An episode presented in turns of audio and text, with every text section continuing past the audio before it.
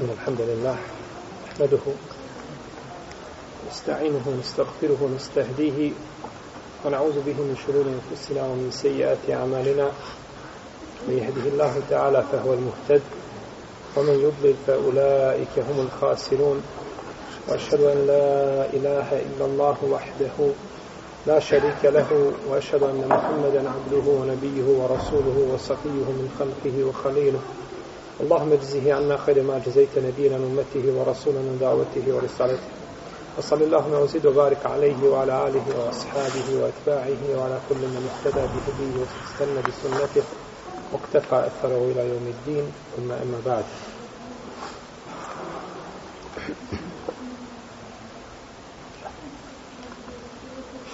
من آداب الخروج إلى الصلاة وما يفعل قبل الصلاة. Neki adabi prilikom izlaska u džamiju odnosno na namaz i ono što se čini prije namaza autor je spomenuo skupinu adaba koji se tiču izlaska u džamiju. Prvo je spomenuo da se prekidaju svi poslovi kada se polazi u džamiju, odnosno kada se čuje ezan. Radi riječi Aisha radijallahu ta'ala anha, kako bileže Buharija, Imam Tirmizi, Ahmed i drugi, kada bi poslanik sallallahu alejhi ve sellem bio u svojoj kući, u službi svoje porodici, pa kada bi došlo vrijeme namaza, ostavio bi sve i u džamiju. Ovo nam ukazuje na dvije stvari. Prvo da je Resulullah sallallahu alaihi wasallam ostavljao poslove kada bi izlazio u džamiju, a druga stvar da je Allahov poslanik alaihi salatu wasalam služio, bio u službi svoje porodici. Kako kaže Aisha radijallahu ta'ala u hadisu koga bilježima Mahmed, i radio je, kaže, ono što ljudi rade u svojim kućama. Pa nam je ovdje dodala još jednu korist, Aisha radijallahu ta'ala anha, pa kaže, radio je poslanik sallallahu alaihi wasallame, znači služio je u svojim kućama. Kao obično, kaže, ono što rade ljudi u svojim domovima. Pa je potvrdila da je poslanik sallallahu alaihi wasallame služio svoju porodicu i da su ljudi u to vrijeme, to jeste ashabi poslanika sallallahu alaihi wasallame šta? radili ono što mi smatramo da je pogrdno čovjeku da radi da to umanjuje njegovu muškost i da to se nikako ne smije desiti.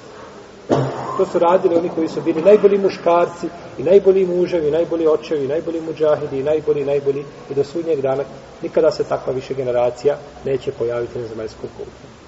Kaže, radio je ono što muškarci šta, rade u svojoj Znači, bila poznata stvar da je poslanik, sa sam kako došao od Isu, sam sebi šio papuće ako ako se prekine onaj kajiš na papučama ili, ili da je sam šio odjeću i dugmad i tako dalje, sve je to došlo u vjerodostavnim hadisima, da je Rasulullah sallallahu alaihi sallam tako šta činio. Pa kada bi došlo vrijeme namaza, sve bi to ostavio, jer ništa nije preče od, od namaza. Druga i treća stvar, da se uzme abdest kada se pođe u džamiju, i da se čini što više koraka pri odlasku u džamiju. Prenosi se Debu Horeire radi Allahu Anhu da je poslanik s.a.v. rekao ko se propisno abdesti potom ode u jednu od Allahovih kuća da obavi jedan od Allahovih farzova misli se na namaz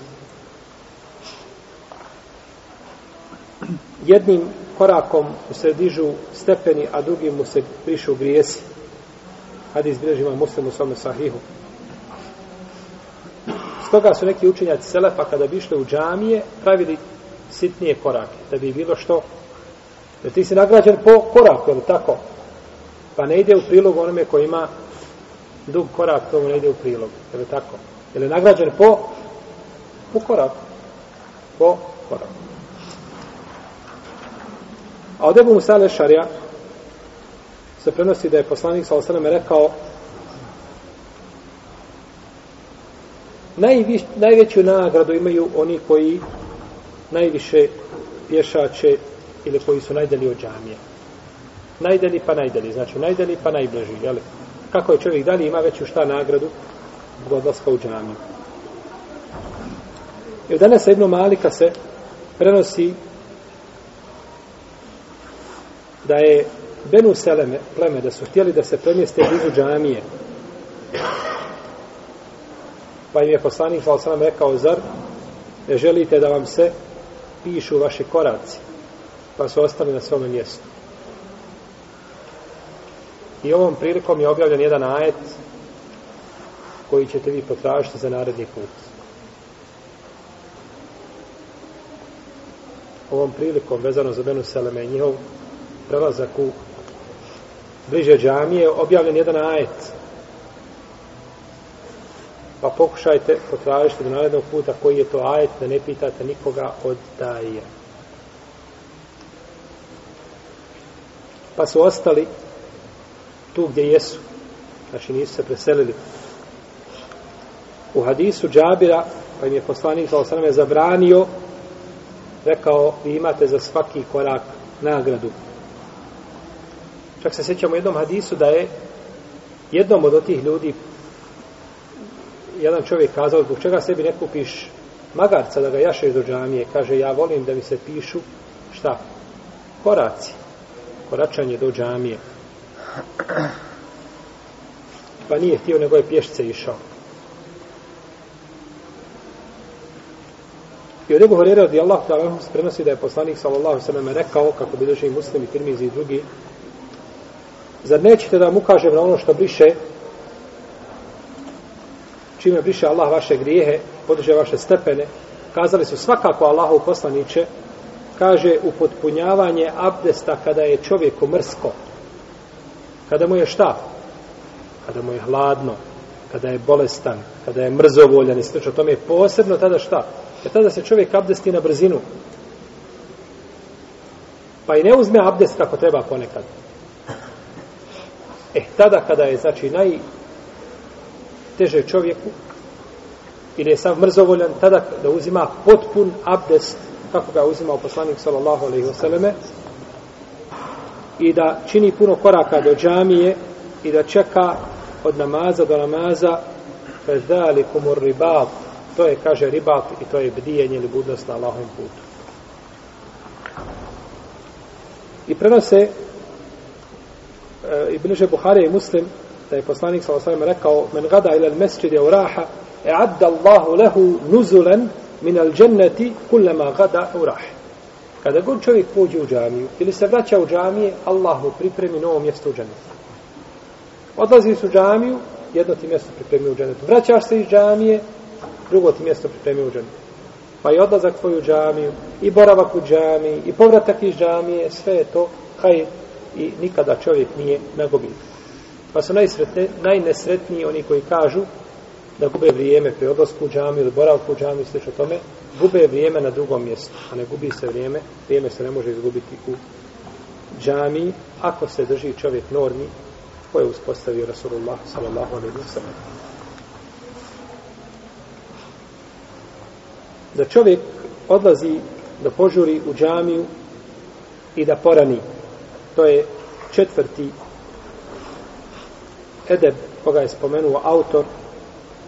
Pa od Ebu Horeira radijallahu ta'ala se prenosi da je poslanik sallallahu alejhi rekao kako bilježe Buharija i Muslim kada bi znali šta je u požurivanju na podne namaz da čovjek porani natjecali bi se ko će više poraniti. I da znaju šta je na sabahu jaci došli bi tamani puzžući u džamiju I kada bi znali šta je u prvom sapu, ne bi dozvolili da iko uđu u prvi sap, osim da se kocke bacaju, odnosno da se natječu ko će prvi doći u sap. A poslanik sa osvrame kaže u hadisu koga bliže Buhara i Muslim, kada uđe u džamiju, on je u namazu sve dok ga zadržava namaz u džamiji. Pa kada bi čovjek ušao u džamiju podne i čekao i on je u namazu do ikindije. Tako do akšama, tako do jacije, bio bi znači cijelo vrijeme u namazu. Peta stvar jeste dolazak u džamiju mirno, bez žurbe. Od Ebu Katade radijallahu ta'ala anhu se prenosi da je rekao, penjali smo za poslanikom, sallallahu sallam, pa je čuo a, udisa i panjača. klanjača. Pa kada je završio namaz, rekao je, šta vam je? Pa su kazali, požurili smo na namazu Allahu poslaniće. Pa je rekao, nemojte tako činiti, kada dolazite na namaz, dolazite smireno i polahko, pa šta stignete, klanjajte za imamom, a šta vas je promaklo, naklanjajte. Znači, bez imalo žurbe da se ide u džamiju. A u predaju Ebu Horeira radijallahu anhu koji isto bilože Buhari i Muslim kao i prethodnu, kaže poslanik, sallallahu alaihi wasallam, kada čujete i kamet, idite na namaz mirno i spokojno. Čuo si i kamet iz daleka. Možda se i kamet uči na mikrofon, pa se čuje, polako idi dok ne dođeš u džamiju. Pa kaže poslanik sallallahu alaihi wasallam, ne žurite, ono što ste stigli, klanjajte, a što vas je promaklo, naklanjajte. Sedmi edeb je da se prouče dove kada se ulazi u džamiju, što je jeli poznato. I došlo u sunetu poslanika za osrem da se kaže kada se pođe u džamiju Allahum iđal ti kalbi nuren fi lisani nuren ođal ti semai nuren ođal li ti basari nuren ođal li min halfi nuren o min emami nuren ođal min fauki nuren o min tahti nuren Allahume a'tini nura i to bileže Buharija i Muslim. I došlo je u predaji koju bileži ima muslim i drugi da se kaže bismillah Allahume salli ala Muhammed Allahume iftah li ebu abe rahmetik. Kada se znači ulazi u džamiju mi i druge ili poznate dove koje se uče.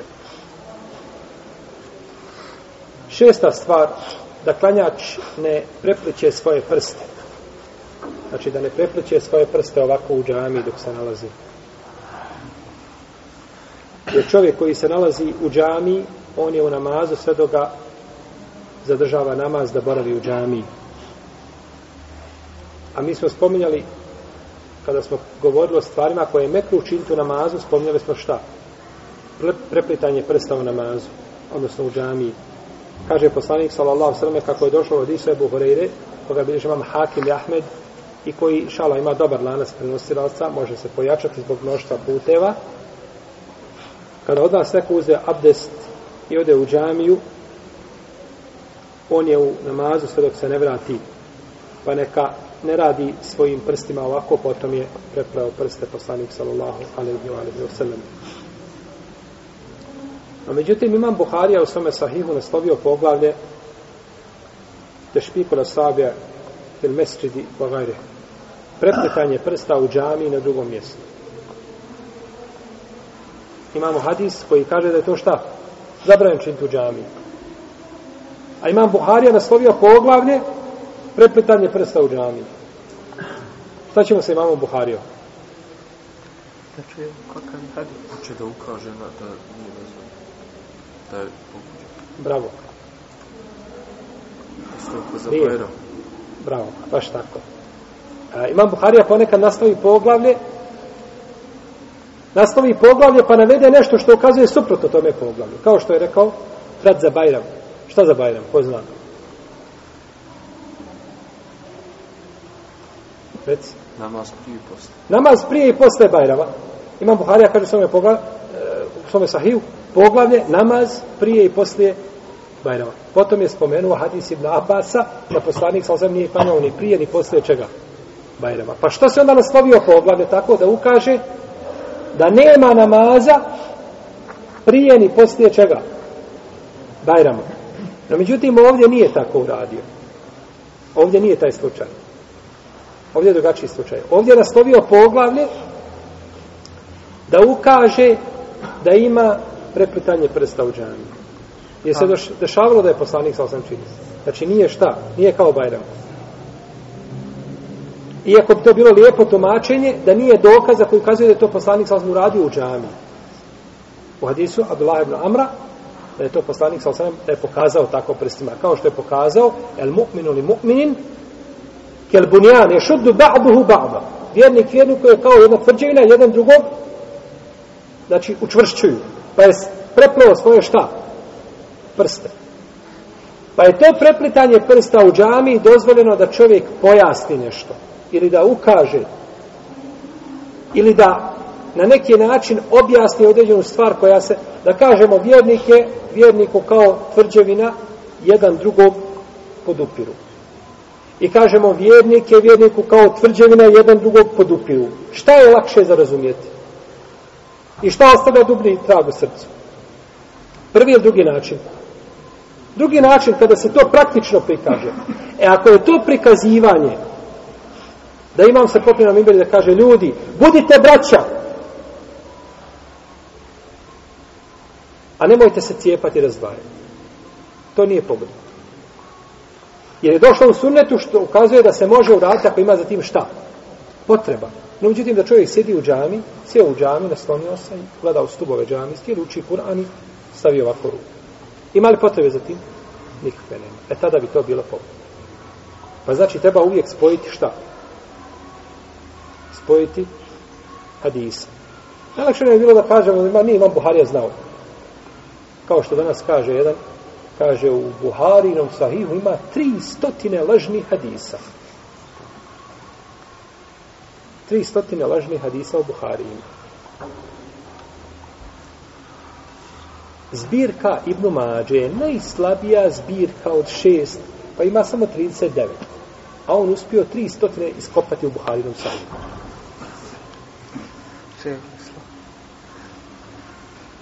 Pa je obaveza da šta da pomirimo? Pa kada je? Jer nije poslanik sa osvijem govorio, jedno radio suprotno tome, osim radi razloga da ukaže da postoji u određenim momentima i iznimka tom šta? Tom propisu. Postoji iznimka tom propisu. Dalje, da, kada se uđe u džamiju, se klanjaju dva rekiata tehijetul mesčida, i o tome smo govorili, čak bio petak, čak imam bio na hutbi, dva rekiata tehijetul mesčida ne spadaju sa čovjeka koji ulazi u džamiju, osim kada? Molim? Kada je počeo namaz, bilo se uči i kamet ili da je počeo već namaz, tada spadaju dva rekiata tijetom mesečida, po konsensu leme, kako kaže šehr Samir Utejmi. Po konsensu leme tada spadaju ta dva rekiata tijetom mesečida, dok, dok na drugim mjestima čovjek će to klanjati ako ima vremena. Dalje, osma stvar, neće počinjati sa nafilom ako je proučeni kamet. Čovjek ušao u džamiju, uči se i kamet za sabaha, on nije klanjao sunnete. I požuri klanja dva rekiata čega? Sunnet. To je neispravno. Nego sunnete ostavi, pa ih klanja posle namaza. Bilo da ih klanja posle namaza, nakon što završi farz, prije izlaska sunca, ili da ih klanja nakon izlaska sunca. Prvo je potvrđeno kod Tirmizije, kod e, Ibn Mađe, da je poslanik sa osamem vidio čovjeka koji klanja posle sabaha, pa ga je upitao, kaže, zar sabah četiri rekiata. Pa je rekao Allahov poslanik, ja nisam klanjao sunnete, pa je prešutio. A imate kod Tabaranije predaju i kod Tirmizije da je poslanik sa osamem rekao, ko ne klanja dva rekiata sabarskog sunneta, neka i klanja nakon izlaska sunca. Pa je dozvoljeno i jedno i drugo, znači šta god čovjek da odabere, ta dva suneta klanja ili nakon namaza, ili nakon izlaska sunca, a tada će pristupiti čemu? Farzu. Tada će pristupiti farzu. Kaže Abdullah ibn Buhajne, da je poslanik sa osaleme vidio čovjeka nakon što je proučeni kamet za sabah namaz, da klanja dva rekiata, pa kada su kada je preselamio poslanik sa osallam, ljudi su ga opkolile. Pa mu je rekao poslanik sallallahu alaihi wa sallame, zar sabah ima četiri rekiata? Zar sabah ima četiri rekiata? To je ponovio dva puta. A u drugoj predaji se kaže, bojim se da će doći vrijeme kada će ljudi klanjati sabah četiri rekiata. Je li ovaj slučaj isti kao onaj prvi? Je to jedan hadis ili dva hadisa? Vidio čovjeka da klanja dva rekiata. Je li to jedan hadis ili dva hadisa? Dva. Ko je rekao dva? Ne boj se, reci. Zašto dva? Kako znaš da su dva, nije jedan?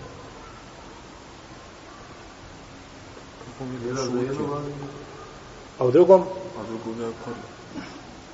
drugoga je da će doći Pa rekao je prvom, kaže, zar, zar sabah četiri rekiata? Ali kad je on rekao da je klanja sunnete, on je prešutio, nije još ništa. Dobro. Ima nešto jače. Slušajte vam.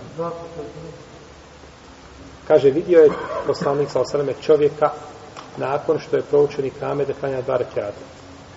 A u prvoj predaji sam rekao, klanjao je čovjek nakon farza dva rekiata. Ima li razlike? Pa ima. Ma razlike. Ovaj je klanjao nakon farza, završio se farz i on ustao i klanjao. A ovaj je klanjao nakon što je za vrijeme kada je poučen šta? I kamet. Pa je razlika znači u ta dva, u ta dva slučaja. Tako da, kada bi čovjek ušao u džamiju i uči se farz, ne smije počinjati sa drugim namazom, nego sa sa farzom zbog riječi Allahov poslanika sallallahu alejhi ve selleme i da uqimeti salat fela salate ila al-maktuba kada se prouči ezan za namaz nema namaza osim propisanog. A u drugoj predaji kaže se nema namaza osim onoga za koji je proučeni kamet. Slušajte. Prvoj predaji se kaže kada se prouči kamet nema namaza osim propisanog. A druga predaja kaže, kada se prouči i kamet, nema namaza osim onoga za koji je proučen namaz. Za koji je proučen i kamet. Kakva je razlika između dvije predaje? Nikakva, to je jedno mišljenje. U redu, cijenimo ga. Ima li neko? Hađe isto. Ima li razlike? Kakva je razlika? Ne može, kaže, osim propisanog. Ne, ne, ne, propisano misli se na farz. Sunet nije propisan u smislu, propisan je u smislu da je legitiman, ali nije propisan da je obavezan. A ovako, kada se pouči i kamet, nema namaza osim obaveznog, osim farza. Može se tako prevesti. A drugo je se kaže, kada se prouči i kamet, nema namaza osim onoga za koji je proučen i kamet. Ima razlika. Razlika u tome što u prvom slučaju nema namaza osim propisanom. Ja ušao i proučen i kamet za ikindiju. A ja nisam klanjao podne. Ja mogu klanjati tada podne za imamu koji klanja kindiju. Ali u prvo, u drugom hadisu se kaže nema namaza osim onoga za koji je šta? Proučeni kamet. A i kamet je proučen za koji namaz? Znači ja ne mogu klanjati šta? A to nije ciljano. Nije to ciljano, nego ciljano je šta? Farz. Pa onaj ko nije klanjao svakako da može raditi po drugom hadisu, to je da klanja podne. Jer mora imati šta? Mora imati redosled. Mora imati redosled. Nema namaza, znači, osim propisano. Pa je to poslanik sa osam zabranio. Dakle, da počinjemo sa namazom. I tu nema posebnih razilaženja. Ima oko sabaskog sunneta određene razilaženja. Među fakihima, no međutim, ispravno mišljenje da ne može. Ali se problem i spor se vodi ako je čovjek već počeo sa namazom, sunnetom počeo tehijetul mesčid i prouči se i kamet. Šta će raditi? Tu se ulema razišla na različite mišljenje. Allah najbolje zna da je ispravno da će čovjek završiti svoj namaz taj koji je počeo. Ako zna da može stići imama na početnoj tekbir. Znači dok se prouči i kame, dok se ljudi posapaju, ako se bio na drugom rekiatu, pa skratio kada mi učio niš, nikako sure, poslije Fatihe učinio ruku i završio, predao selam prije da stigneš imama na tekbir ili tu negdje kod tekbira, neće šta prekidati namaz. No međutim, ako bi tada izgubio prvi rekiat ili dio prvog rekiata, ako nastaviš, tu se vodi spor. I ispravno je mišljenje da će čovjek u tom slučaju prekinuti namaz. To je jedan rivajat od imama Ahmeda. Ovaj, I ono odgovara hadisima. Možda ćete čuti od drugih daja, kažu drugačije. To je poznato razilaženje, no međutim, ovo savršeno odgovara hadisu. Nema namaza osim čega? Osim propisano. Šafijski učenjac ovo tepsire pa kažu nema namaza osim propisanog u smislu da počneš. Ali onaj koji ispočeo neće šta? Nećeš prekidati, jer uzvišeni Allah kaže vola tubtilu amalekum i nemojte kvariti svoje djela. Što da ja pokvarim svoje djela? Je tako? Allah kaže nemojte kvariti svoja djela. Pa bi znači bilo dozvoljeno čovjeku da nastavi i da završi taj sunnet, pa da onda pristupi farzu. A međutim, ispravnije je mišljenje da treba prekinuti šta? sunnet i pristupiti farzu. Iz razloga što je poslanik sa osram zabranio namaz kada se prouči i kamet osim kakav? Propisano. Nije od njih da počne sa namazom ili da nastavi već šta? Postojeći aktuelni namaz. Nije spomenuto. Bilo kakav namaz, tada ima samo šta? Propisano. To je jedna stvar. Znači, odgovara hadis. Druga stvar, stići sa imamom da klanjaš u džematu je vrijednije nego da klanjaš šta? Sunnete u redu. Kada poslanik sa osram kaže u hadisu Ibn Omara da je namaz u džematu vrijedniji 27 puta nego namaz pojedinca. Na šta se misli? Namaz farz podne u džematu je bolji za 27 puta nego da podne klanja šta? Sam. U redu. Šta mislite onda farz namaz sa imamom u džematu odnosno na sunnet? Ako je vrijednije od farz, od farza 27 puta, šta mislite onda koliko od sunnete? Možete kazati samo 270 i nećete pogriješiti. Allah zna koliko, mi to ne znam. No, međutim, šta je sunnet u odnosu na farzi, ako je sunnet svakako ima svoje mjesto, međutim, ne može se sunnet porediti nikada sa farzom, jer sunnet nije obavezan. I najviše čime se rob približava Allahu te barak i jeste šta? Ono što mu je propisao. I ne možemo se približavati na pilama ako ne potpuni farzove. Tako da je ispravnije mišljenje da se ovo da se ovaj namaz prekine i prekida se predavanjem selama. Jer je početak namaza šta? Tekbir, a završetak selam. Gdje si, u kom si položaju, ako ne možeš stići, predaj selam i pristupi za imamom, to ti je preče i bolje. Ako nastavi, ima uleme koja je to kazala da može, šao tela da neće biti griješan. A međutim, preče je da stigne sa imamom i da klanja sa njim u džematu. Ibn Hazm, Abu Muhammed al-Andalusi, rahimehullahu ta'ala, kaže da kada se prouči i kamet tog propisanog namaza, da je taj i kamet pokvario tvoj namaz. Ti klanjaš tehijetul mesrid na prvom serekiatu ili na početku drugog i ne možeš završiti. I počne imam da počne mu jezin da uči Allahu ekber, Allahu ekber. Allahu ekber, Allahu ekber. I kamet je. Ovaj naš koga uče ovdje, koji isto tako ispravan. Kaže tvoj namaz šta? pokvaren. Nemaš ga potrebe. Zato nemaš potrebe kod Ibnu Hazma šta? Predavati selam. Čovjek koji bu namazu izgubio abdest, treba li predati selam? Gotovo je, on je završio svojim namazom. Tako i ovo. Došao nešto što je pokvarno tvoj namaz ti moraš pristupiti čemu? Farzu. To je potpuno, znači ono globalno shvatanje čega? Što znači kad bi bio prije predavanja selama i neko proučio i kame da bi to šta pokvarilo, a ne bi pokvarilo. Ispravno je da ne bi to pokvarilo.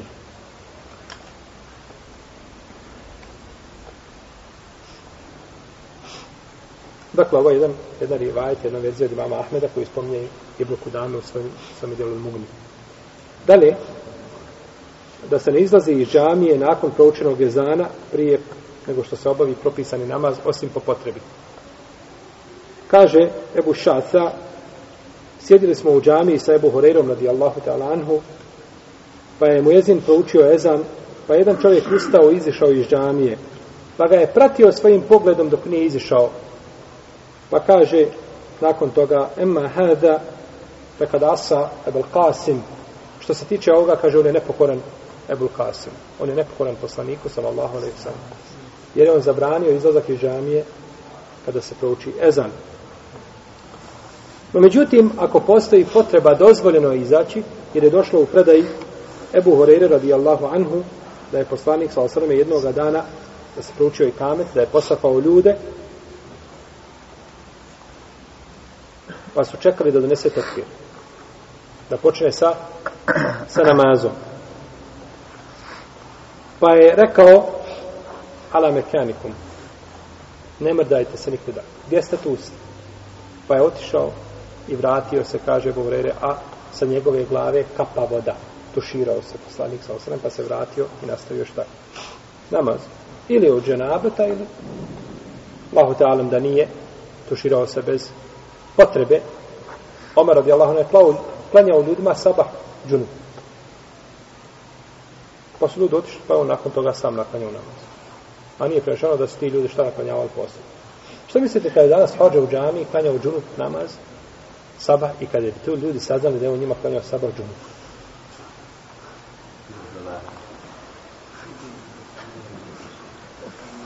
Omer radi Allah, to se desilo, ono je koje najbolje poslaniku sa osam. Jer ne vjerujemo da bi poslanik sa posapao ljude i rekao čekajte sada svi dok se jedem istuširati zato što sam ovaj, zato što sam možda nisam tuširao dva dana, primjer radi. Nego je sigurno bio razlog do koga se išao da su sa vam duširao. Ili kupiti, jel? Mi kažemo da pa mi kaže kupiti. Jedan od naših šehova je govorio da je tuš zabranjen. Kaže, tuš je israf, kaže, tu samo voda troši. Dobro je da ne vide kako se mi abdestimo i koliko vode mi trošimo po samosti. Da ne ustaje na namaz do, a, kada vidi imama, osim kada vidi imama. Jer poslanik sa osanem kaže u hadisu Ebu, Ebu Katade, kada Buhari i Muslim, i da okrimete salatu, kada takumu, hatta tarauni. Kada se prouči kamet, nemojte ustaje dok mene ne vidite. Nemojte ustaje dok mene ne vidite. Ako znamo da imam tu, blizu je, znači, proučeni kamet, nije još imam izišao, ne ustajemo dok imam šta? Ne pojavi se. Zašto? Zato što je za ezan je odgovoran ko? Moezin. A za ikamet ima. Pa po imamu se ravna i kamet, a ezan se ravna po mojezinu, mojezinu će ezan znači u vrijeme. Tako da, kako je korist bilo da ustanemo, a nemamo imama, ili još se nije pojavio. I ovo smo govorili u pogledu ezana. Spomenut ćemo još neke adabe vezane za izlazak žena u džamije koji se tiču samo znači žena prvo da traži dozvolu od svoga muža kada hoće u džamiju ili od staratelja a on neće joj zabranjivati a on joj neće zabraniti došlo u hadisu Ibn Omara koga bliže Buhari i Muslim da je poslanik sa osanom rekao ako žena nekog od vas zatraži dozvolu u džamiju da ide neka joj ne brani. Neka joj ne brani. I poznata je priča sa Bilalom, ibn Abdullahom, Bilalom, sinom Abdullaha, koji je rekao, Wallahi la namnahun, kaže, tako mi Allaha zabranit ćemo. Ibn Omar navodi hadis, a ova iz ljubavi prema vjeri, kaže, zabranit ćemo im. Ljubomore prema ženama, je tako? Jer ashabi su bili ljubomorni ljudi. Kaže se za Zubeira ibn Awama radijallahu anhu da njegova žena kad bi uzjahala devu i sjahala sa nje da bi on nama zaklo da je niko više ne uzješe nakon nje znači takva je ljubomora bila da konja, bilo šta uzješe nakon toga ta je životinja zaklanja znači ne dozvoljava jer će nakon njega nje uzjahati je neko to je ljubomora bila ovdje ljubomora Abdullaha je prema vjeri a, Bilala Ali je njegova ljubomora šerijatska? Nije ovdje bila. Ne kažem općenito, Bože, začuvaj. On je tabin. No međutim, njegova ljubomara nije šerijatska. Ovdje njegova ljubomara bila kakva? Emocije. Emocije. Lijepo. I to treba čovjek da ima. To pomanjkava kod muškaraca. No međutim, on kaže, rekao je poslanik sa osrame, nemojte im braniti. I on kaže, tako mi Allaha zabranit ćemo. Da je rekao, Pa dobro, zar ne vidite šta su danas žene uradile, kako se ponašaju? Primjer radi, kao što je Ajša radi Allah tala rekla, kako bi živa muslim u svome sahiju, da zna poslanik sa osaleme, da vidi šta su žene uradile, nakon njega zabranio bi im da izlaze u džamije. Najbolje žene nakon sahabiki, kaže da zna šta su radile, on bi im to zabranio bi izlazak u džamije. No, međutim, to nije dokaz da zabranimo šta? Izlazak, jer to je čtihad čiji? Ajžiš. Ajša radi Allah kaže zabranio bi. Da li bi ili ne bi? Allahu alem. Ali poslanik sam rekao nemojte im šta? Nemojte im braniti.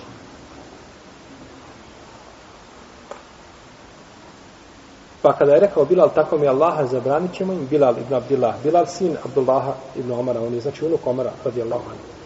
Kaže Nafija pa mu je prišao Abdullah. Kaže tako ga izgrdio i tako mu ružni riječi izgodio. Kaže da to nikada nisam čuo od Abdullaha. Da to nikada nisam čuo od Abdullaha i čak u nekim predama da mu je rekao la ukelnimuke ebeda. Neću nikad više s tobom pričati. Ja sam ti završio za savremena.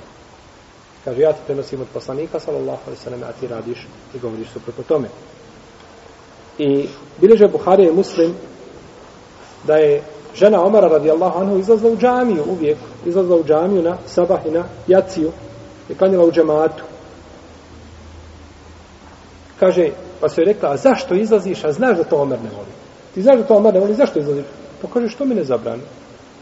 Pa kaže, ne, neće da ti zabrani zato što je poslanik sallallahu rekao, nemojte im braniti ako žele da izlaze u džamiju. On to mrzi, pre, ne voli da izlazi mu žena. Iz ovoga onoga razloga, ali neće da zabrani zašto? Zato što ima hadis. E ovo je šarijatska ljubomora. Ja sam ljubomoran i ne volim da žena izlazi. Ali tu ljubomoru moju obuzdava šta?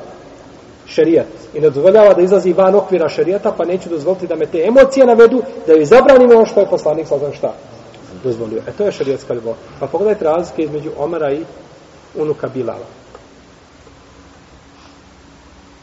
Radijallahu ta'ala anhu međme'in.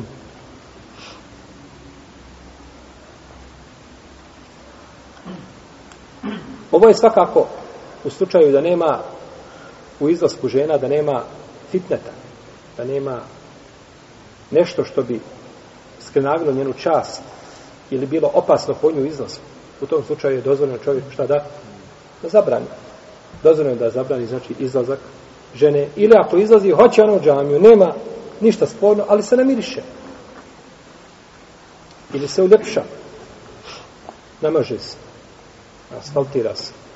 Pa pođe u džamiju, što je zabranjeno. Ili pođe u džamiju, a nije šarijetski obučena. Nije, znači, šarijetski odjeća je prozirna ili je uska, tjesna. Nije, znači, široki džilbab koji pada do zemlje. Ima pravo da je šta spriječi izlazak u džamiju. Bez obzira, znači, što je miran, što nema razloga, znači, onoga da je zabrani sigurnosnog, bezbjednosnog, ali ima razlog drugi, a to je, znači, njen izgled ili njena odjeća je slično tome.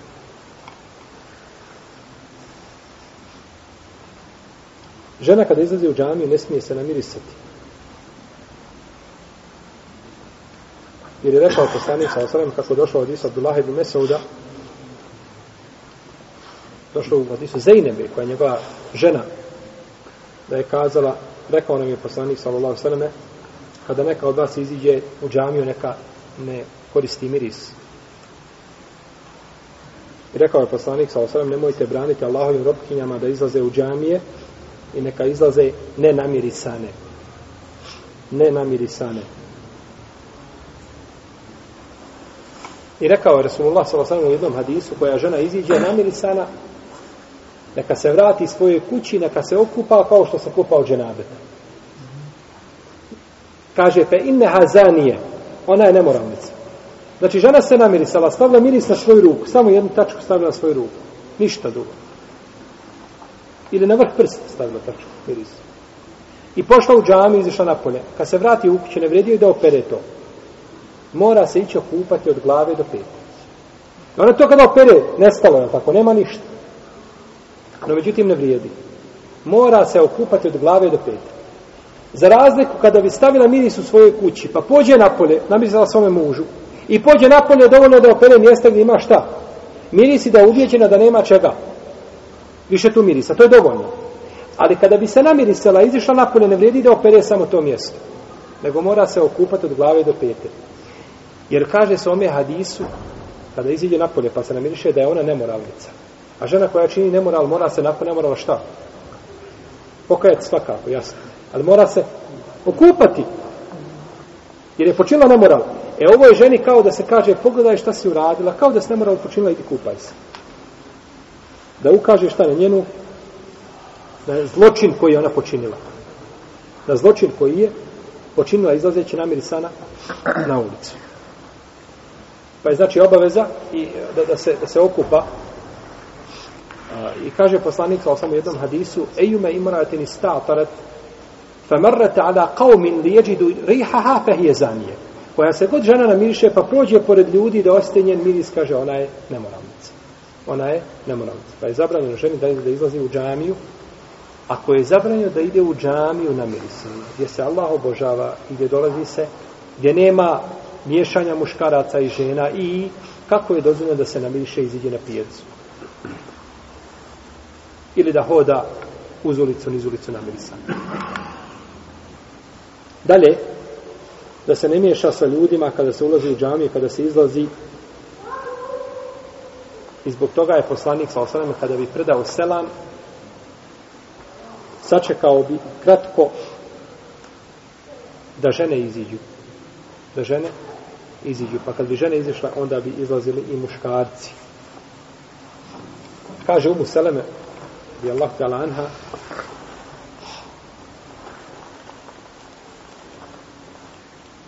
kada bi poslanik sa osam predao selam, žene bi ustale i izlazile iz džamije, a on bi ostao kratko sjediti na svom mjestu prije nego što ustane. Mislimo, Allah najbolje zna, kaže mu Seleme da je to činio radi toga da žene iziđu prije nego što ih pristignu muškarci. I ovu predaju bilježi vam Buhari u svome sahiju. Znači, pa je, e, iz tog razloga je poslanik Salasana zabranio ženama da dižu glave sa seđdi prije muškaraca. Žene koje klanjaju u istoj džami i nije zabranjeno da žene klanjaju u istoj džamiji za muškaraca. Tako se klanjalo ono u vrijeme koga? U vrijeme poslanika To nije zabranjeno, ali je odvajanja, ako postoji mogućnost, bolje, svakako. No, međutim, ako bi žena tako klanjala, nema smetnje. Pa je zabranio ženama da dižu glave prije muškaraca, da ne bi slučajno muškarci, nešto se otkrilo s tim mjesta, pa da ne bi gledale, nego prvo se muškarci dižu, pa onda, pa onda žene.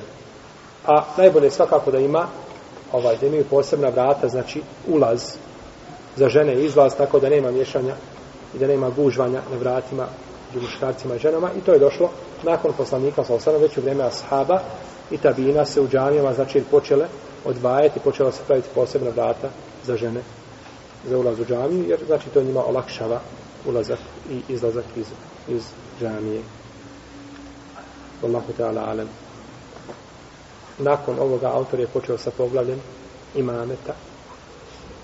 Tamo ni imama pa ćemo išao kao tome govoriti našim narodnom družima wa ta'ala anu sallallahu ala nabi muhammed wa ala alihi wa sahabi Ima braću pitanja vezan da ovu temu. Ili mimo teme bojru? Še, kad pretežno ovdje u ovim starim džanijama, starije naše nana naklanja i dola. A sad ima žene odu gore, pa zna se sama jedna žena gore na spratu klanja. E sad, jel kakav je njih namaz, mora li ona sa tim ženama dole klanjati? Jer ona se izdvoji gore sama nasprat ode, a sve su žene dole. Ako se izdvoji sama da klanja, neka se siđe, neka siđe, neka klanja sa tim ženama, je klanje on. Da ne bude sama radi safa. Iako sve trebaju otići na to mjesto za žene. I tačno to ima u džamijama, smo gledali, ima znači za žene prostor velik, I one klanje opet iza mušaraca. To je pogrešno. Treba znači klanjati tamo na mjestu gdje je predviđeno za njih. Znači da se klanje. Osim, ako bi morala stojati negdje gdje, gdje je sprečala ulaz nekome, Allah valim, to je drugi propis. Nije problem ako nosi nikab. Neka klanja u nikab. Žena koja se boji da će vidjeti muškarci u džami, neka klanja u nikab. Nikad je ona duža, duža da otkrije e, lice i šake ovaj, u namazu bez razilaženja među lemom, osim ako će vidjeti ljudi tada može staviti kao žene što na hađu klanjaju koje znači ne nose nikab, ali nose znači onaj zastor koji pada preko lica, ne smije se nikab na hađu nositi. Nikab je ono što ovako pritisne uz lice, to je nikab. Pa taj nikab koji se pritisne uz lice, ono se ne smije nositi. Nego se znači samo spusti jedno crno platno preko da nije znači priljepljeno uz lice i tako žene klanjaju. Tako da ne smeta znači da klanja pokrivenog lica ako će vidjeti ljudi, muškarci, stranici onaj, što je fardajn sticanje znanja za muškarce za žene, za odrasle rodine nosi. Ovaj, tehijetul meščit sunnet. Ako se insan zadesi u prilicu, već kad ulazi u džamiju, nam se, na primjer, dešavalo to, na primjer, ovdje je predavanje, a sad, tek sam došao u džamiju, da li da klanjam tehijetul meščit ili da pristupim dersu? Fino, lijepo pitanje. Lijepo pitanje. Farz, namaz, sticanje, nam, ovaj, znanja je farz ajn, a uđemo sunnet je tehitul mesčid. Pa čemu ćemo dati prednost? Sunnet ili farz? Nećemo tako kazati sunnet. Nego ćemo kazati drugačije. Prvo. Krenut ćemo korak po korak. Koji riječi. Ti si rekao prvo sticanje znanja je fardain. Sticanje znanja je fardain kog znanja? Osnovnog širijetskog znanja. Da čovjek zna kako će ušta, kako da vjeruje, osnove da ima svoje vjere, na kajda, da zna kako da klanja, kako da posti, kako da zikja daje, kako da hađu. Osnovne stvari. To je par da ajn svakom čovjeku. To mora. I bit će griješan shodno koliko ostavi. Ti ne možeš, ako nisi naučio klanjati, bit ćeš griješan zato što ne znaš obaviti taj propis. Ili ako, ako si imaš krnjavost u svojoj akidi, tako da. No, međutim, sticanje znači znanja je farda ajn tog znanja koje je obavezno. A nakon toga sticanje znanja je fard kifaje. To je znači biva na jednu skupinu ljudi. Pa ti znaš osnove, znači, no, međutim ti nisi dužan da naučiš da dozvoljeno spajati ovaj, nijete sa jednim nijetom da klanjaš dva namaza u smislu da si ti biti griješan ako to što ne budeš znao. Tako je znao, ti ćeš telefon pa nazvati i pitati onoga ko, ko je učio i kojem je bila obaveza da uči. Jel u redu? Znači tu se razlikuje. Imamo osnovu znanja i imamo a, imamo nešto što je sporedno. Zato kaže a, Ulema kaže kada bi čovjek htio da iziđe da uči svoju vjeru, a roditelji mu brane, je dozvoljeno da iziđe da dozvole roditelja. Kažu, ako se radi o osnovnom znanju bez koga ne može biti musliman, ne špiti. A ako se radi o znanju dodatnom, ti znaš osnovu se naučio vjerovanja, sve u redu, međutim ti bi išao da se specializiraš u, u šerijetskim naukama. I babo kaže, mama ne može. Dužan si da im se šta? Pokoriš, nećeš izglasati. Jer ti si musliman i s tim što imaš. Dodatno nije ti šta? Nije ti far dain. Onda bi svakome od vas bilo far dain da idete završavati fakultete šerijetske i da sjedite pre šefima da učite. Tako? I svi biste bili griješi koji to nisu radili. Međutim, nije. Zato sjedimo i učimo šta osnovno znanje da upotpunimo taj dio. To je jedna stvar. Tako kada uđeš, uči se znanje. U redu. Ajmo kazati, ušao sam i uči se to osnovno znanje. Je li to jedini način tebi da naučiš osnovno znanje tu ili ima i drugi mogućnosti? Ma svakako i drugi mogućnosti. Ima i drugi predavanja, ima i drugi knjiga, ima i svega. Pa nećeš zbog toga ostati hitul mesrid. Treća stvar, ti sve kao ti hitul mesrid je sunnet, to je tačno. A taj sunet poslanik sa osam naredio, iz toga manjinski dio uleme kaže da je hitul mesrid vađib. Da je hitul mesrid vađib, da ga treba obaviti. Tako da čovjek kada uđe, neka klanja kratka dva rekiata, kao što klanja kada imam priča na hudbi, neka ne duli i neka priđe halki i neka uči, a nakon toga ga nešto propustalo, može upitati, može znači pitati nekoga od, od prisutnih koja je zapisao i slušao o čemu se radi, sve tome, a najsretniji je onaj ko ne kasni.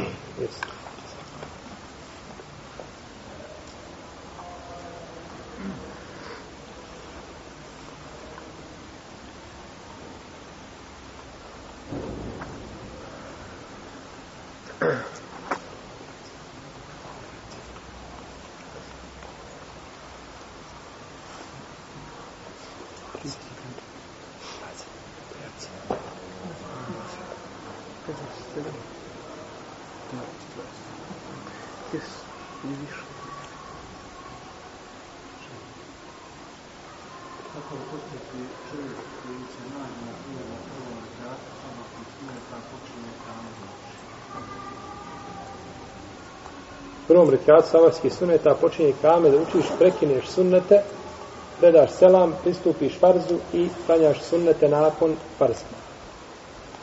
Klanjaš sunnete nakon farza. Recimo, ako pitan ja znači, čovjek dođe, odnosno klanja... Pitanje čega? Ja Dobro. Čovjek klanja i recimo, ovaj, ako već počeo stane, uh, i on bi trebao predati selam, pravno, Ako ne može završiti prije nego što počne namaz. A recimo ako bude, ako znači ne stigneš pet tekbira, ali stigne na prvi rekat, znači prije proučene fatike, kako se po tom pitanju? Tu je sad razilaženje među lemom, šta se tretira da je čovjek stigao na prvi rekat? Da li je tekbir, e, da je stigao na početni tekbir, da li je to sami tekbir, ili je ona početna dova, ili je fatiha, ili je samo prvi, prvi rekat, Allahu Teala alem, ako bi čovjek stigao odmah neposredno posle tekbira, inša da ga je stigao. No, međutim, sve što udaljava se od toga kritičnije. Pa je bolje da stigne na taj tekbir i da ima druga jedna stvar doći. Ja kada prekinem taj ja kada prekinem taj sunnet bilo te nitol mesečet, bilo sun, sabarski sunnet, bilo koji drugi sunnet. Mogu li ja taj sunnet kasnije doći sa njim naklanjati, učiniti ga? Mogu. Je tako? Mogu nakon toga uz dva rekiata klanjati da file. A mogu li onaj počin tekbir koji mu prođe stići do sudnjeg dana? Nikad se više neće vratiti ovaj da bude u, u utorak sabah namaz kog 20 kog 22. aprila tako. Nikada se više neće vratiti. I to je vađib koji prolazi i ne možeš ga stići. Pa se daje prednost onome što možeš sta. Ono što ne možeš stići, daje se njom prednost nad onim što ti ostaje i možeš, možeš stići da to učiniš. Reci, koji? Baš na ovo, ne znam, što daju prednost sunetu u odnosu na farz. Oni, oni ne daju prednost sunetu odnosno na Pa farz. ako se ne priključi odmah farz, s tim su dali prednost sunetu. Oni kažu ne, oni kažu ovako. Oni kažu, ja sam počeo sunnet. A spomnili smo ajet u kome uzvišenje Allah kaže, nemojte kvariti šta svoja djela. Ako ja predam selam, jesam li pokvario svoje djelo? Jesam. Ja sam ga pokvario. A ja mogu svakako stići na farz, kad stići. Jer često, rijetko da će čovjek propustiti prvi rekat farza na toga što klanja sunnet. To tako. I čak da propustim prvi rekat, ja mogu ga šta? Naklanjati. Mogu ga naklanjati taj prvi rekat. I opet sam, znači, došao, imam i sunnet, nisam pokvario, a i došao sam s farzom. Kažem, to su i čtihadi, znači, ne možemo, nije nam ispravno, Allah te nagradio da zbog toga osuđujemo u lemu, znači, ili one koji su dali prednost. To je, znači, vidiš štihada, pogleda, razmišljanja, svatanja, jer šta su, šta su braćo mezhebi? Mezhebi su u stvari mišljenja islamski učenjaka. Mišljenje Ebu Hanife, to je njegov mezheb. Mišljenje imama Ahmeda, to je njegov mezheb. Pa, gledali su, znači, i čtihadili po brojnim drugim pitanjima, postoje razilaženja, pa tako i po ovome. Ovo je. Reci. Dalje dozvoljeno redanje prije kameta, pošto se u nas to dešava, i dalje treba se safati na određene riječi u kametu ili kad ustaneš. Pa mhm. što se tiče ustajanja na ovaj na ikamet, a, tome postoji razilaženje među ulemom kada se ustaje, da li kod riječi kad kamet salatu ili, ili prije toga ili poslije. Uglavnom, a, složni su kada imam, kada imam nije izišao da se ne ustaje, a ako se ljudi ne mogu posafati, poste i ako bi onda napravila se, napravio veliki vremenski period između i kameta i tekbira, onda nema smeće prije toga da se safaju. Na primjer, prouči se i kamet i ljudi tek onda ustaju, prilazu i safaju se i safovi dugi dok se povlače i onaj prelazi u prvi saf, drugi saf. Imam neće da počne da se saf, safovi šta ne? Ne popune. Onda nastavi se velika ra, ra, razmak između čega i kameta i i tekbira. Onda je bolje da se ljudi posapaju, kad imam vidi da se već ljudi posafaju da znači dozvoli onome a, mu jezinu da šta?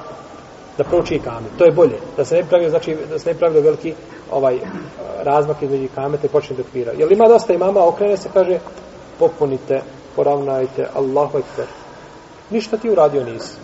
To popunite, poravnajte, po, po, po, ponavljaš ljudima tri godine, pet, deset godina, I ljudi, niko se ne pomjera. Znači, između svakog čovjeka ima još prostora po pedalj, između njih, niko se ne pomjera. I vidiš sav kriv i ti kažeš, poravnajte, Allahu ekber, ništa ti uradio nisi. Ti moraš reći, kazi, ti se pomjeri napred za jedno stopalo. Ti se vrati nazad, ti, ti si isturio, kako je poslanik, sa sam čovjeka vratio, koji je isturio prsa malo napred, gurnuo ga, kaže, ili ćete poravnavati svoje safove, ili će Allah razjediniti vaša lica. Zato što je isturio šta? Prsa. Ovaj istori nazad, znači, svi se ljudi poravnali na liniju, opa, svi se ljudi poravnali na liniju i on stoji nazad za stopalo i ne pomjera se nikud. Ili na kraj safa ima mjesta za jednog ili dvojice. I imam kaže popunite i niko se ne pomjera. I on kaže la havla wala quwwata illa billah Allahu ekber. Ti ne smiješ početi namaz dok se saf ne popuni. Moraš ljude naučiti da te moraju slušati, ti si imam. No, međutim, problem u nas imami kad uđu u džamiju, prije toga ga odbor postroji ga kažu ti smiješ to, to, to, ne smiješ to i to, nemaš ti da govoriš, on tebi treba da govori ja smijem to i to i to jer mi je Allah dao to i to i to, a ne smijem to i to jer mi je Allah zabranio i poslanik sam to i tako treba da bude, a ne, ako ćeš raditi to i to, imaš to i to, u protivnom imaš to i to, protiv imaš otkaz, imaš, no tako, radno knjižicu možeš ići. Pa su naučili ima, odnosno, pa imami onda na takav, jeli, i nakon toga ne smiju ljudima ništa da kažu. Nego znači, ne smije se počinjati ovaj, ne smije se počinjati namaz dok se ne poravnaju safovi i dok se ne popune safovi. Što se tiče ravnjanja safova, je li to po liniji, po prstima ili po člancima i prst, prstima?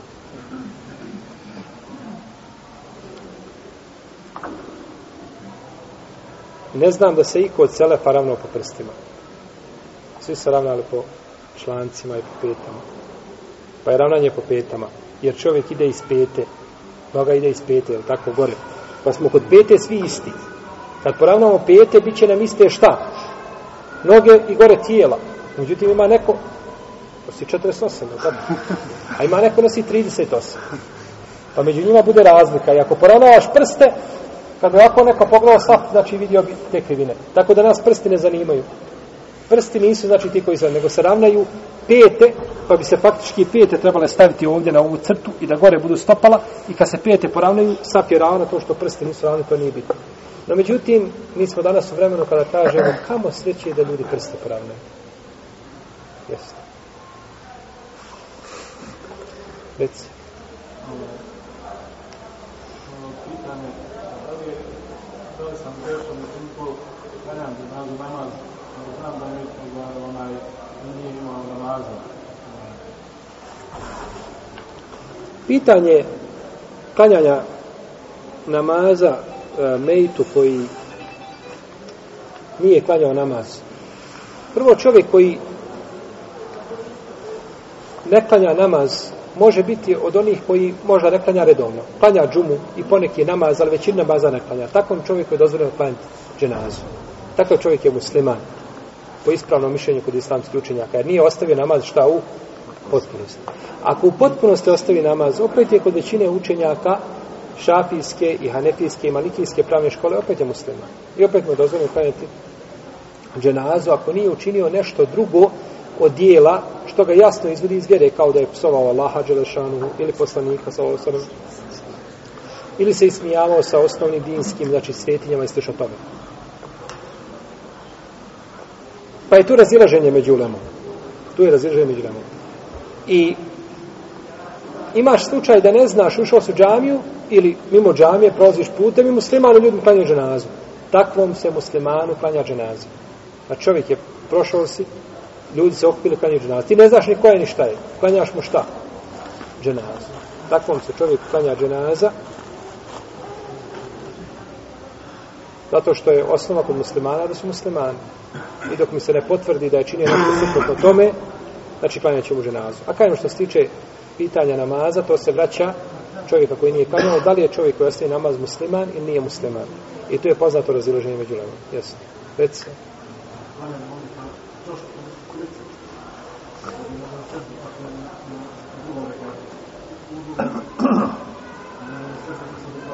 Od one stolce što je ispred tebe, čovjek na stolci klanja. A ti ne možeš nasreći do od njega. Vrat se malo nazad. Smetat ćeš onome iza. Boj se Allaha koliko možeš. Možda bilo dobro da se donese one stolice, ne znam kakve stolice, da se može između, ispod stolice da se bar može učiniti sečda. Kako kad je? Pa eto. Boj se Allaha koliko možeš ništa. Allah te ne opterećuje mi mogućnost, ako ne može vratiti se malo nazad. E, kad nas jedinje, kad spolno poneći, ti spolno poneći bude sap, ravan, ne smije teći. Jesu. Pitanje djece še puno puta se dešava po džamijama da bilo braća, bilo ne, mislim ljudi koji malo više poznaju islam, možda oni manje dovode djecu, manju koja su nemirna u namazu, izlaze iz sapova, izlaze skroz ili remete sapova. Mm. Da li ima nekaj poseban propis interesu metodalno da se djeca možda stavili na čošku ili nešto pitati da nešto Dobro, prvo, ovaj, ja imam jedno malo opasku na tvoje pitanje. Braća u džamijama, išao u džamiju ne dovode djecu nego braća. Znači, svi što dolaze u džamiju su braća. A ovaj, te se braća razlikuju, neki su malo mlađi, neki malo stariji, jeste, ali su svi braća, tako. Ovaj, što tiče djece, meni je najdraže kad vidim ovaj, punu džamiju djece. Iako ostim, ostim u svojim prsima kada se skaču ono što, što vi ostite, tako. To nema razlike. No, međutim, neka djece u džamiji, Neka djece u džamiji. Kada se udaraju i skaču po džami, smir ćemo ih, pozorti ih, zagalamite, no, međutim, neka ih u džami. Nije u boravak u džami, hajri berek. Ovaj, I da su nas, naše roditelji, terali u džamije, da boravimo kao što mi teramo našu djecu, sigurno da bi mi bili drugačiji nego što jesu. Možda bi stanje muslimana bilo drugačije nego što jesu. No, međutim, onako je kako.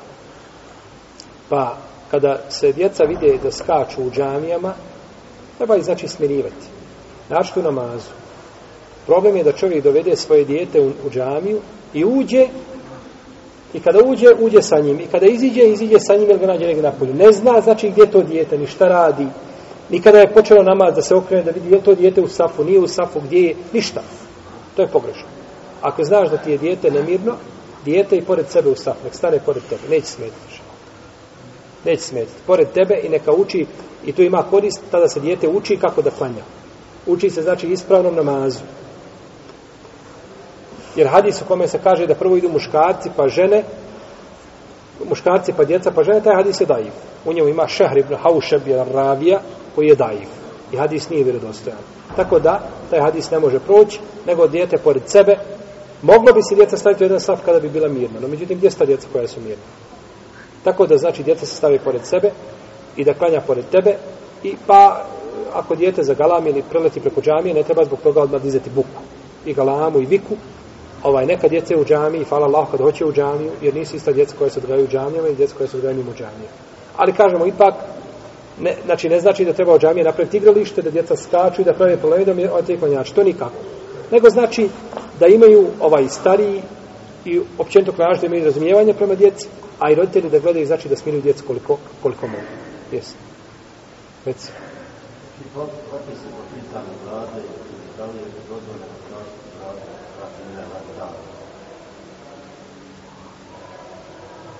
Mi smo govorili o pitanju brade više navrata i mislim da smo ovaj ovaj sve to pitanje već ovaj spominjali nekoliko puta i dozvoljeno čovjeku da krati bradu.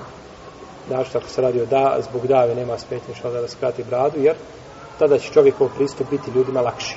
Znači kada čovjek skrati bradu, neće biti ukladljiv, njegov pristup će biti ljudi, ljudima znači lakše, ljudi će lakše prihvatiti njega ono što govori. S tim da to kraćenje ne bude mimo dužine šake. Znači ovako da uzme vradu i ovo što pređe neka skrati a ne više od toga. Jeste. Jedan še popunjavanje prvog sata i općenito popunjavanje satova. Onaj, često se dešava da onaj, onaj, mi, braće, veliko, hoćemo da popunimo sat, hoćemo prvi sat, međutim, nema dovoljno prostora da stane insan. I onda mi hoćemo, mi se uguramo tu nekako, i brat do nas skroz skupi i čitav namaz, osjećat je skobu, neko je zijet, ne može da klanja, mislim, to je čest slučaj, ljudi ovako na Allah, Allah te nagradio. Najdraže nam je, meni je, braćo, najdraže kad govorimo mi i kad sami govorimo svoje greške. Što to je najljepše, kad čovjek kaže ja griješim tu. Mi muslimani koji dolazimo u džamiju griješimo tu. Ovi mlađi naši momci griješe tu. Najbolje kad čovjek govori sam sebi o svojim greškama i kori sam sebe. Jer ponekad se ljudi umisle da su aman jarabi, da nema, oni su plafon islama i vjere i dina. No, međutim, grešaka koliko hoćete. Lijepo je da se saf ovaj popuni, se nabije. No, međutim, gledaš ko je u safu. I taj čovjek koji tu, je on naučio na to? Sunnet je na, na ruku da raširiš svoje ruke. Međutim, ako znaš da ćeš ometati svoga dedu, brata, pored sebe, nemoj to raditi. Sunnet je na zadnjem reka, na zadnjem sjedinju da sjedneš da uvučeš lijevu nogu i da turiš ispod desne potkoljence i da se ostaviš na lijevi kuk. Ali ako znaš da ćeš ometati time i pritisnuti klanjača pored sebe koji ne praktikuju taj sunnet ne zna, nemoj to činiti živio. bio. Znači ima nešto se gleda. Pa ako uđeš u saf, vidiš da sve tu momci, da, da možeš ući, da će oni to podnijeti, ne smeta. No međutim, ako znaš da ćeš razijeti ljude, sačkaj da se bar ovaj napravi otprilike, znači da možeš ti ući, znači ući na to mjesto pa da bude saf malo komotniji, preče neko da neko iziđe iz safa ili da se pravi ovaj, i da se pravi izbrk. Ne znači ovo znači da mi trebamo ostaviti šta? Šta? Prazan da ima prazina, ti kažeš ja neću ući. Ne, ali ti gledaj sebe, ima neko ko je malo Allahu dao, malo šira na mene, tako? Pa ako ne možeš ti ući, ima neko pored tebe koji je manji, neka on uđe, tanji jeste, neka on uđe, znači neka se popuni saf, ali ne da se popunja, da se time ljudi šta? da se ezijete. I onda šta se desi? Klanjaju, ja ne znam, to sam gledao u arapskom svijetu, onda čovjek koji je u safu, kad ga prisu s dvije strane, on se izbaci ovako. Pa ovako klanja, znači. Prvo nije okrenut ova kibli kako treba, jedno, i nije to, to nije zbija, jer ti si meni udario sada ramenom ovdje leđa, a on mi udarao ovdje, ramenom. Zato što je sad, šta? Zbijete, što se često dešava, to sam gledao kod Arapa, znači, ovaj, mnogo puta sam to vidio, znači da bi ljudi izbjegli šta tu, gužu. Pa onda preče da ostane, znači, sap da je nabijeno rame do ramena i to je, to je dovoljno.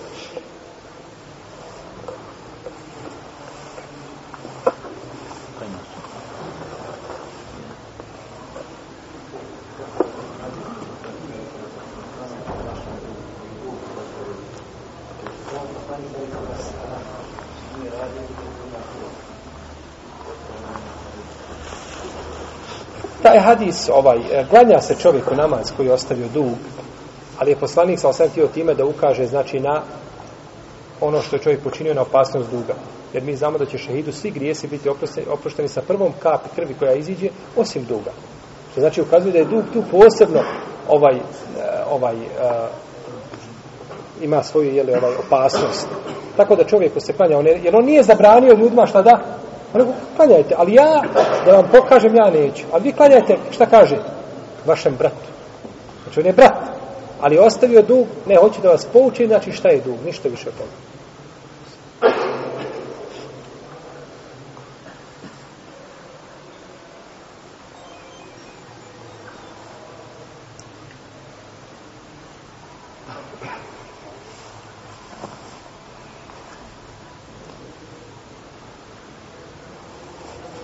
الله تعالى أعلم. صلى الله على نبينا محمد وعلى آله وصحبه. اجمعين